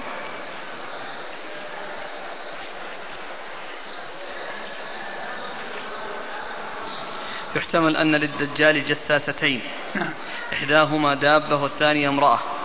ويحتمل أن الجساسة كانت شيطانة تمثلت تارة في صورة دابة وأخرى في صورة امرأة. وللشيطان التشكل في أي تشكل أراد. ويحتمل أن تسمى المرأة دابة مجازا كما في قوله تعالى ومن وما من دابة في الأرض إلا على الله رزقها. يعني هذه وجوه ثلاثة وكون الشيطان يتمثل على صورة الحيوان وعلى صورة الإنسان. نعم يصير هذا. والرجل الذي والشيطان الذي تمثل لأبي هريرة وكان من الطعام هو شيطان من الجن وجاء على صورة إنسان وكذلك أيضا الحديث الذي جاء عن عن قتل الحيات وأنها عوامر البيوت وذلك أن الجن يتشكلون بها ويأتون على صور الدواب فيحصل منهم هذا ويحصل منهم هذا. نعم. قال ما أنت؟ قالت أنا الجساسة إلى اذهب إلى ذلك القصر. اذهب إلى ذلك القصر. في بعض الروايات الدير. نعم. فأتيته فإذا رجل يجر شعره مسلسل في الأغلال. يعني يجر شعره مسلسل بالأغلال نعم. ينزو فيما بين السماء والأرض. يعني يتحرك يضطرب. يعني يرتفع عن الأرض وينزل. لكن ليس معنى ذلك أنه يرتفع إلى إلى مسافة وإنما كونه يتحرك من من سفل إلى علو قال بين السماء فقلت من أنت؟ قال أنا الدجال. نعم. خرج نبي الأميين بعد. قلت نعم. قال أطاعوه أم عصوه؟ قلت بل أطاعوه. قال الأميين الأميين هم العرب. وقيل هم الأميين لأنهم في الغالب لا يقرؤون ولا يكتبون. وإن كانت القراءة والكتابة موجودة فيهم لكن الغالب هو عدم الكتابة وعدم القراءة. قلت بل أطاعوه قال ذاك خير لهم. قال ذاك خير لهم يعني إذا أطاعوه. وهذا كلام وهذا كلام حق. صدر من مبطل. وكما يقول الحق ما شهد به الأعداء. قال حدثنا النفيلي. النفيلي عبد الله بن محمد النفيلي ثقة أخرجه البخاري وأصحاب السنن. عن عثمان بن عبد الرحمن. عن عثمان بن عبد الرحمن وهو صدوق أكثر الرواية عن الضعفاء والمجاهيل فضعف بسببها. صدوق أكثر الرواية عن الضعفاء والمجاهيل فضعف بسبب ذلك أخرج له. أبو داود النسائي بن ماجه. أبو داود النسائي بن ماجه. عن ابن أبي ذئب. عن ابن أبي ذئب وهو محمد بن عبد الرحمن بن المغيرة ابن أبي ذئب ثقة أخرجه أصحاب كتب الستة. عن الزهري. عن الزهري محمد بن مسلم بن عبيد الله بن شهاب الزهري ثقة أخرج له أصحاب كتب الستة. عن أبي سلمة عن أبي سلمة بن عبد الرحمن بن عوف وهو ثقة أخرج له أصحاب كتب الستة. عن فاطمة بنت قيس. عن فاطمة بنت قيس رضي الله عنها وحديثها أخرجه أصحاب كتب الستة. قال حدثنا حجاج بن أبي يعقوب قال حدثنا عبد الصمد قال حدثنا أبي قال سمعت حسينا المعلم قال حدثنا عبد الله بن بريدة قال حدثنا عامر بن شراحيل الشعبي عن فاطمة بنت قيس رضي الله عنها أنها قالت سمعت منادي رسول الله صلى الله عليه وعلى آله وسلم ينادي أن الصلاة جامعة. فخرجت فصليت مع رسول الله صلى الله عليه وآله وسلم. فلما قضى رسول الله صلى الله عليه وآله وسلم صلاته جلس على المنبر وهو يضحك. قال ليلزم كل إنسان مصلاه. ثم قال هل تدرون لم جمعتكم؟ قالوا الله ورسوله أعلم. قال إني ما جمعتكم لرهبة ولا رغبة. ولكن جمعتكم أن تميما الداري. كان رجلا نصرانيا فجاء فبايع وأسلم وحدثني حديثا وافق الذي حدثتكم عن الدجال. حدثني أنه ركب في سفينة بحرية مع ثلاثين رجلا من لخم وجذام فلعب بهم الموج شهرا في البحر وأرفأوا إلى جزيرة حين مغرب الشمس فجلسوا في أقرب السفينة فدخلوا الجزيرة فلقيتهم دابة أهلب كثيرة الشعر. قالوا ويلك ما أنت؟ قالت أنا الجساسة. انطلقوا إلى هذا الرجل في هذا الدير فإنه إلى خبركم بالأشواق. قال لما سمت لنا رجلا فرقنا منها أن تكون شيطانة. فانطلقنا سراعا حتى دخلنا الدير فإذا فيه أعظم إنسان رأيناه قط خلقا وأشده وثاقا مجموعة يداه إلى عنقه فذكر الحديث. وسألهم عن نخل بيسان وعن عين زغر وعن النبي الأمي قال إني أنا المسيح وإنه يوشك أن يؤذن لي في الخروج. قال النبي صلى الله عليه وعلى آله وسلم وإنه في بحر الشام أو بحر اليمن. لا بل من قبل المشرق ما هو. مرتين وأومأ بيده قبل المشرق. قالت حفظت هذا من رسول الله صلى الله عليه وعلى آله وسلم. وساق الحديث. ثم رد أبو داود حديث فاطمة بنت قيس رضي الله عنها في قصة الدجال والجساسة وفيه أن الرسول صلى الله عليه وسلم قال ونادى الصلاة جامعة فاجتمع الناس وصلى بهم ثم قام على المنبر وجلس جلس على المنبر وهو يضحك وقال إني ما جمعتكم لرغبة ولا لرهبة يعني لا يعني لا لترغيب ولا ترهيب. ولا لأمر يرغب فيه أو يرهب منه وإنما للإخبار بشيء قد حصل وهو آه كون تميم الداري كان نصرانيا وأسلم وأنه آه آه حدثه بحديث كان مماثلا أو يطابق ما كان حدثهم به أو مثل ما حدثهم به وأنهم كانوا في جزيرة فكانوا في البحر فقد هبت بهم الأمواج إلى جزيرة فنزلوا فيها ورأوا دابة أهلب يعني كثير طويلة كثيرة الشعر فقالت أنا أنا الجساسة واذهبوا إلى ذلك الرجل إلى رجل في الدير فإنه إلى خبركم للأشواق يعني أنه شديد الشوق إلى أخباركم وإلى معرفة أخباركم فذهبوا إليه ورأوه وأنه موثق بالحديد وذكروا صفة توثيقه بالحديد وإيثاقه بالحديد ثم بعد ذلك سألهم أسئلة عن عن نخل بيسان وعن إيش؟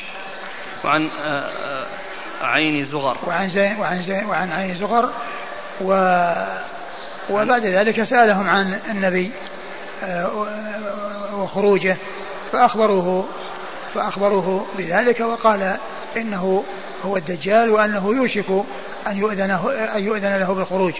يوشك أن يؤذن له بالخروج يعني وأنه ينتظر الإذن له بالخروج وفك أغلاله ثم خروجه على الناس فيحصل منه ذلك الشيء الذي جاءت به الأحاديث عن رسول الله صلى الله عليه وسلم ويدل على وجود الدجال وأنه موجود وأنه موثق بتلك الجزيرة وأنه يخرج في آخر الزمان عندما يؤذن له بالخروج وهو يدل على وجوده وهو مخصص لحديث أنه لن يأتي مئة سنة وهناك ممن كان على ظهر الأرض نفس فيكون آه، هذا الحديث في قصة الجساسة والدجال مخصص لذلك وأنه يكون موجودا وأنه آه، آه، يخرج في آخر الزمان فيكون ما جاء في حديث الجساسة والدجال مستثنى من عموم ذلك الحديث. نعم. عموم حديث مستثنى من عموم حديث؟ نعم حديث لن يأتي نفس يعني عليه مئة سنة فإن هذا يعني باقي لا يعني لا يموت بتلك أو يمضي تلك المدة. نعم. ولا تستثنى الجساسة والحور العين والملائكة والجن وأشياء كثيرة منفوسة آه، كتب الله لها البقاء إلى يعني مدة أطول من هذا ما يدخل الاستثناء. لا هو الكلام يعني بال كان المقصود به الإنس أو بني آدم. ومعلوم الدجال بني آدم. وأما قضية الجن والملائكة فهؤلاء عالم آخر.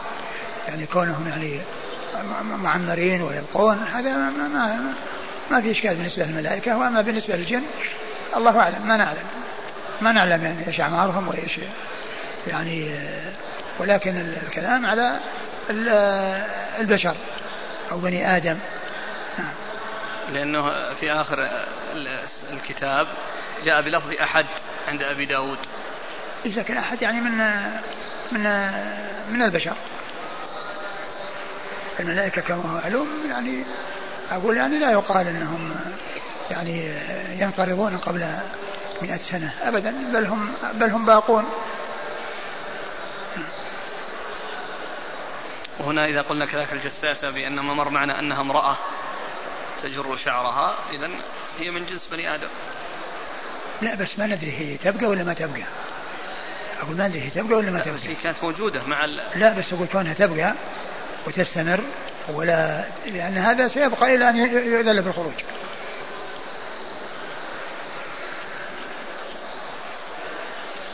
السند ولا نقرأ المتن؟ اقرأ المتن. عن فاطمة بنت قيس رضي الله عنها قالت سمعت منادي رسول الله صلى الله عليه وآله وسلم ينادي أن الصلاة جامعة. فخرجت فصليت مع رسول الله صلى الله عليه وسلم. نعم. جاءت الأسئلة عن هذه الصلاة. هل صلاة فريضة أو نافلة؟ والله الذي يبدو أنها ليست فريضة كأنها على نافلة لأن الفريضة ما ينادى فيها صلاة جامعة ينادى بالأذان. وهذا ممكن أن يعمل الآن؟ لا. لو أراد الإمام جمع لا لا, لا ليس. أقول لا يعمل لأن هذا ما عرف عن الأئمة ولا عن العلماء ولا عن الصحابة أنهم كانوا يفعلون ذلك ويصلون فخرجت فصليت مع رسول الله صلى الله عليه وسلم فلما قضى رسول الله صلى الله عليه وآله وسلم صلاته جلس على المنبر وهو يضحك. الجلوس هنا المراد به القعود أو القيام؟ لا كان الجلوس. كان الجلوس ولكنها ليست خطبة. أقول ليست خطبة جمعة وإنما هو حدثهم وهو على المنبر. وكأن جلوسه على المنبر يعني حتى يروه ويشاهدوه. وأما خطبة الجمعة ما تكون إلا عن قيام وليس الإنسان يجلس. نعم. قال ليلزم كل إنسان مصلاه. ثم قال هل تدرون لما جمعتكم؟ وهذا يبين بأن القضية هي قضية صلاة جماعة وأنها صلاة الفريضة. ولهذا قال ليلزم كل مصلاه. هل تدرون لماذا جمعتكم؟ يعني جمعهم ليحدثهم بهذا الخبر وليحدثهم بهذا الحديث. نعم. ثم قالوا الله ورسوله أعلم. قال إني ما جمعتكم لرهبة ولا رغبة ولكن جمعتكم أن تميما الداري كان رجلا نصرانيا فجاء فبايع وأسلم وحدثني حديثا وافق الذي حدثتكم عن الدجال. وهذا يعني إذا كان أن, تميم الداري أنه رأى هذا في حال آه، في حال آه، كفره وقبل إسلامه فيكون مما تحمله في في كفره وأداه في بعد إسلامه. وأداه بعد إسلامه أو حدث به بعد إسلامه. نعم. حدثني أنه ركب في سفينة بحرية مع ثلاثين رجلا من لخم وجذام نعم. فلعب بهم الموج شهرا في فلعب بهم الموج شهرا في البحر وأرفع يعني, لعبهم بهم الموج يعني معناه أن الأمواج تقاذفتهم ويعني لا يعني ليس لهم اتجاه بسبب الأمواج حتى قذفتهم على جزيرة. نعم. وأرفأوا إلى جزيرة حين مغرب الشمس. أرفأوا يعني معناه أنهم آه، مالوا إليها ليربطوا السفينة حتى يعني أو ينزلوا الأشياء الثقيلة التي تمسكها لئلا تذهب. ويكون ذلك عند عند أو قرب الجزيرة. ثم ركبوا أقرب وهي القوارب الصغيرة التي ينتقلون بها آه، يعني من السفينة إلى إلى إلى البر. نعم. فجلسوا في أقرب السفينة فدخلوا الجزيرة فلقيتهم دابة أهلب كثيرة الشعر. نعم. قالوا ويلك ما أنت؟ قالت أنا الجساسة. جاءت أسئلة هل هذه هي الدابة؟ الجساسة هي الدابة أو غيرها التي من علامات الساعة؟ لا لا ليست. ما في شيء يدل عليه. ما في شيء يدل على أن هذه دابة الأرض التي تكلم الناس التي جاء ذكرها في سورة النمل. ما في شيء ما في شيء يدل على هذا. هي دابة من الدواب. انطلقوا إلى هذا الرجل في هذا الدير. الدير هو متعبد. أماكن العبادة عند عند عند عند النصارى وعند اليهود. نعم.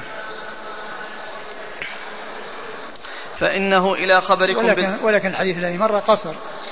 يعني مر في الحديث السابق أنه قصر. نعم. إنه و... فإنه إلى خبركم بالأشواق. فإنه قال فإنه إلى خبركم بالأشواق يعني إنه مشتاق إلى أخباركم. نعم. قال لما سمت لنا رجلا فرقنا منها أن تكون شيطانة. قال لما سمت لنا رجلا فرقنا منها أن تكون شيطانة. وهذا يعني قد يفهم منه أنها امرأة. أنها امرأة. يعني و لأنه قال فرقنا أن تكون شيطانة لأنها لو كانت على شكل آخر يعني آه، غريب يعني لكان يعني آه، أشد كانوا أشد أشد استيحاشا لكن قالوا فرقنا أن تكون شيطانا. يعني خفنا فرقنا من الفرق وهو الخوف. نعم فانطلقنا سراعا. أن الشيطان أو شياطين الإنس شياطين الجن يتشكلون بالإنس ويأتون على صور الإنس كما أنهم يصون على صور الحيوانات.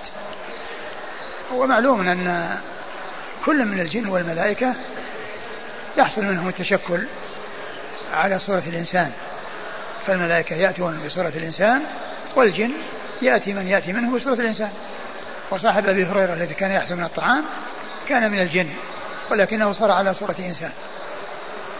والملائكة الذين جاءوا ضيوف إبراهيم جاءوا على صورة رجال حسان وجبريل جاء إلى مريم بصورة بشر وكذلك جاء إلى النبي عليه الصلاة والسلام بصورة دحية بن خليفة الكلبي وجاء بصورة رجل غير معروف كما في حديث جبريل المشهور.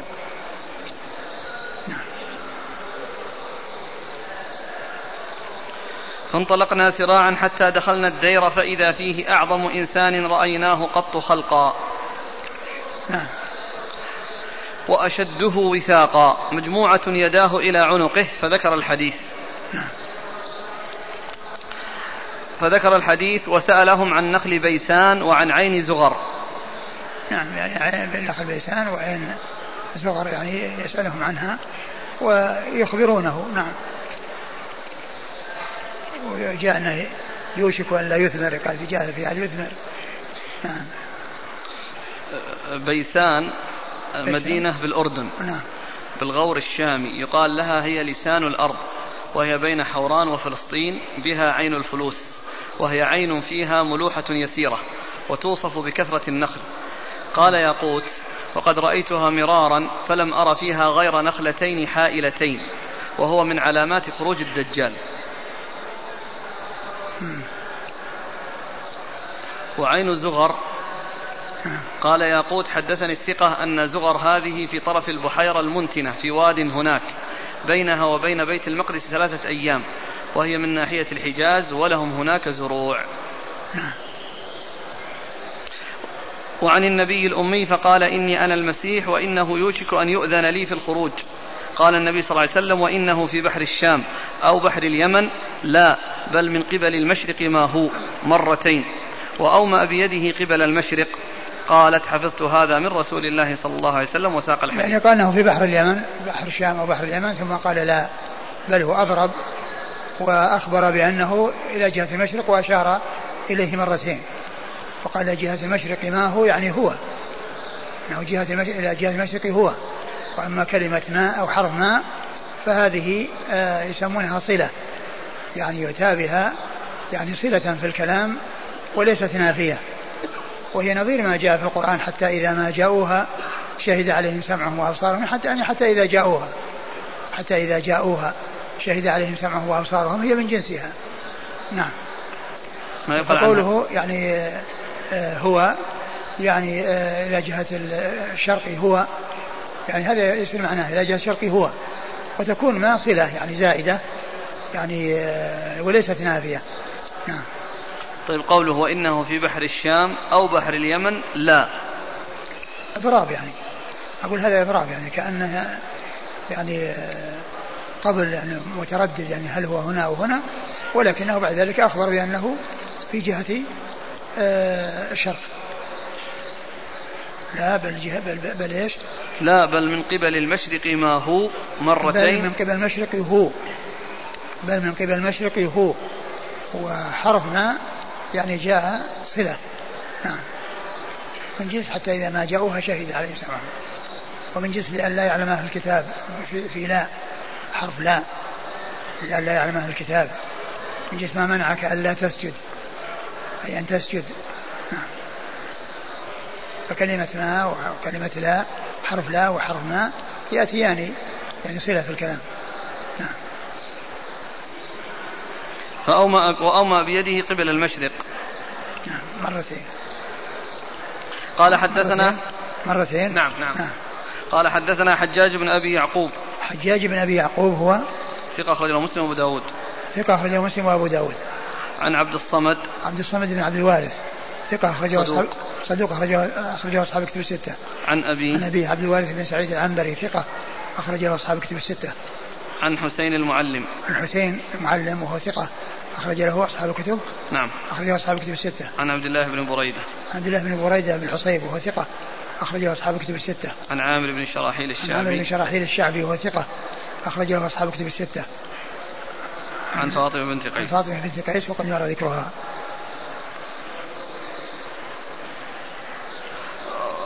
جاءت الأسئلة أن هنا في هذا الحديث نادى مناد أن الصلاة جامعة في الحديث الذي قبله أخر صلى الله عليه وسلم العشاء الآخرة ذات ليلة ثم خرج فقال إنه حبسني حديث كان يحدثنيه تميم الداري. يعني كان أعلم ما أدري هل قصة واحدة أو قصتين. آه لكن في الغالب أنها قصة واحدة. فيرجح يعني الله أعلم. جاء في بعض. الحديث هذا في صحيح مسلم الثاني. نعم هو كذلك. نعم. جاء في بعض الروايات أنه سأل عن بحيرة طبرية هل هي هذه؟ وهذا في صحيح مسلم. ها؟ وهذا في صحيح مسلم. وهنا سأل عن عين زغر. إيه. هي هي ولا؟ الله أعلم ما أدري. يعني هل هل هل سأل عن هذه وهذه؟ أو أن هذه هي هذه؟ لا ندري. هنا قال إني ما جمعتكم لرهبة ولا رغبة. فقال يقول الأخ أليس في الدجال رهبة؟ هو رهبة هو الرسول حذر من فتنته ولكنه يعني آه، آه، آه، أراد أن يخبرهم بالشيء الذي قد حصل والذي ذلك الحديث الذي حدثه حدثه إياه تميم الداري والذي شاهده وعاينه. والدجال يعني كما هو معلوم الرسول حذر فتنته. ولكن الرسول أراد أن يخبرهم بالخبر الذي الخبر الذي سمعه أو الذي حدثه به تميم الداري. ما معنى كلمة أهلب؟ كأنها يعني اللي بعدها تفسرها التي هي كثيرة الشعر. لماذا فرقوا منها عندما سمت لهم رجلا؟ يعني كأنهم فرقوا منها بس يكون خشوة أن تكون شيطانا. شيطانا خشوة أن تكون شيطانا. جاء في في الترمذي عن أبي بكر الصديق رضي الله عنه قال حدثنا رسول الله صلى الله عليه وسلم قال الدجال يخرج من أرض المشرق يقال لها خراسان. صح الألباني. وعن أنس رضي الله عنه وجاء في صحيح مسلم حديث نواس بن سمعان يخرج من خلة بين الشام والعراق. طبعا هذا من جهة من جهة من تلك الجهة. وأيضا نفس الحديث حديث تميم حديث النواس يتبعه سبعون ألفا من يهود أصبهان. يتبعونه سبعون ألفا من يهود أصبهان. نعم. وعن أنس رضي الله عنه قال قال رسول الله صلى الله عليه وسلم يخرج الدجال من يهودية أصبهان. معه سبعون ألفا من اليهود. يعني من يهودية يعني كأن مكان يعني فيه يعني مكان اليهود ويكون معه سبعون ألفا. وهو يهودي أقول هو يعني نفسه يعني كما جاء في في في قصة ابن صياد والذي كان الرسول يتوقع يخشى أن يكون أنه دجال يعني هو يهودي. قال ابن حجر وأما من أين يخرج فمن قبل المشرق جزما. نعم هذا لا شك. لأن, لأن الحديث هذا في صحيح مسلم حديث النواس الطويل يخرج من خلة بين الشام والعراق ويتبعه سبعون ألفا من يهود أصبهان يعني ما أنه يأتي ومعه هذا العدد. عليهم الطيالسة. وقال ابن كثير فيكون يعني بدء فهم, فهم أكثر أتباعه الذين هم اليهود. نعم. قال ابن كثير فيكون بدء ظهوره من أصبهان من حارة يقال لها اليهودية. قال حدثنا محمد بن صدران قال حدثنا المعتمر قال حدثنا إسماعيل بن أبي خالد عن مجالد بن سعيد عن عامر قال حدثتني فاطمة بنت قيس رضي الله عنها أن النبي صلى الله عليه وآله وسلم صلى الظهر ثم صعد المنبر وكان لا يصعد عليه إلا يوم الجمعة قبل يومئذ ثم ذكر هذه القصة. ثم ذكر حديث فاطمة بن قيس من طريق أخرى وقال أنه صلى الظهر وصعد المنبر وكان لا يصعد إلا يوم الجمعة. والحديث في إسناده مجالد بن سعيد والألباني ضعفه وقال إن أنه إن هذا الحديث ضعيف الإسناد. ولعله من جهة مجالد بن سعيد. نعم. قال حدثنا محمد بن صدران. محمد بن, بن, بن إبراهيم بن صدران هو صدوق أبو داود والترمذي والنسائي. صدوق أبو داود والترمذي والنسائي. عن المعتمر. عن المعتمر المعتمر بن سليمان بن طرخان. التيمي. ثقة. أخرج له أصحاب كتب الستة. عن إسماعيل بن أبي خالد. إسماعيل بن أبي خالد هو ثقة. أخرج له أصحاب كتب الستة. عن مجالد بن سعيد. عن مجالد بن سعيد وهو ليس بالقوي أخرج له مسلم وأصحاب السنن. ليس بالقوي أخرج له مسلم وأصحاب السنن. عن عامر عن فاطمة. عن عامر وهو الشعبي فاطمة بنت قيس مر ذكرهما. قال أبو داود وابن صدران بصري غرق في البحر مع ابن مسور لم يسلم منهم غيره. ثم قال أبو داود أن ابن صدران غرق في البحر مع ابن مسور لم يسلم منهم غيره. يعني كان يعني ابن مسور هذا يعني كبير وأن معه جماعة ومنهم ابن صدران وأنهم هلكوا ولم ينجو منهم إلا ابن صدران هذا.